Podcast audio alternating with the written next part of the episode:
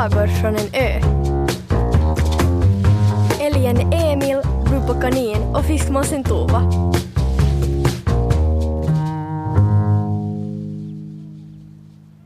En morgon vaknade älgen Emil av det här ljudet.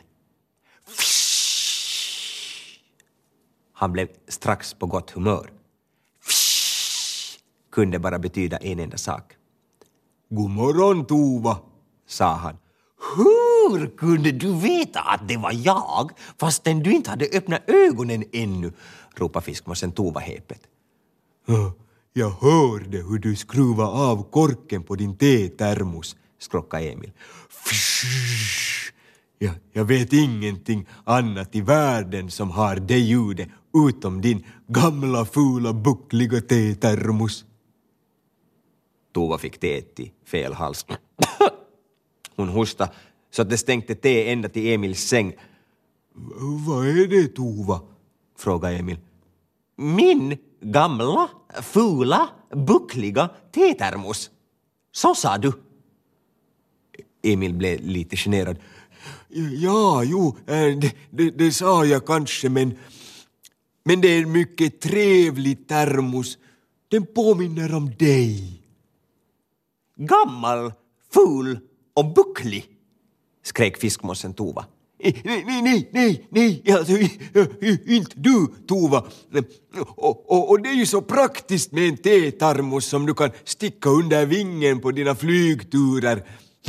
Inte skulle du kunna servera te ur, ur en vacker engelsk tekanna med rosor och sånt på. Emil skrattade åt sitt eget skämt men Tova skrattade inte alls. Om hon inte redan hade varit vit kunde man ha sagt att hon blev alldeles blek. Hon lyfte näbben i vädret och sa med darr på rösten. Jag är en fin fiskmås. Jag passar inte ihop med gula, fula, buckliga tetermosar. Adjö, Emil! Nu flyger jag till England.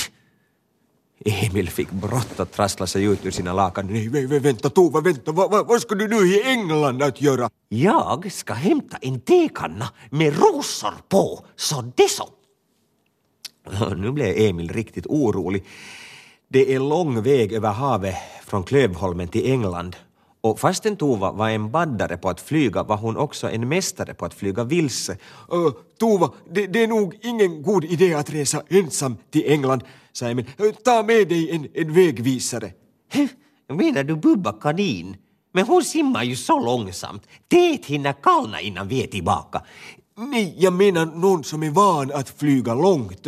Skratttärnan, nej vad heter hon, skräntärnan, Siri. Hon flyttar ju varje år till Sydafrika. F fråga henne. Tova bredde ut vingarna och flaxade ut genom fönstret. Hon ropade. Jag hittar till England själv. Du kan börja baka scones så äter vi dem ikväll när jag kommer tillbaka med teet i min rosenkanna. Och så försvann Tova. Älgen Emil bestämde sig för att det här var en nödsituation. Och i nödsituationer får en älg använda sig av älgarnas hemliga system för nödsignaler.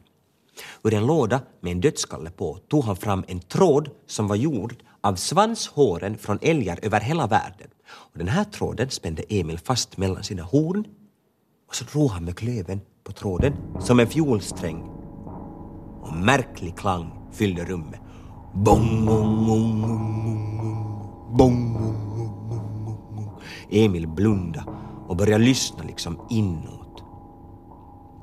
Inne i sitt huvud kunde han höra svaret från älgar i andra länder som hade uppfattat klangen från älgetråden.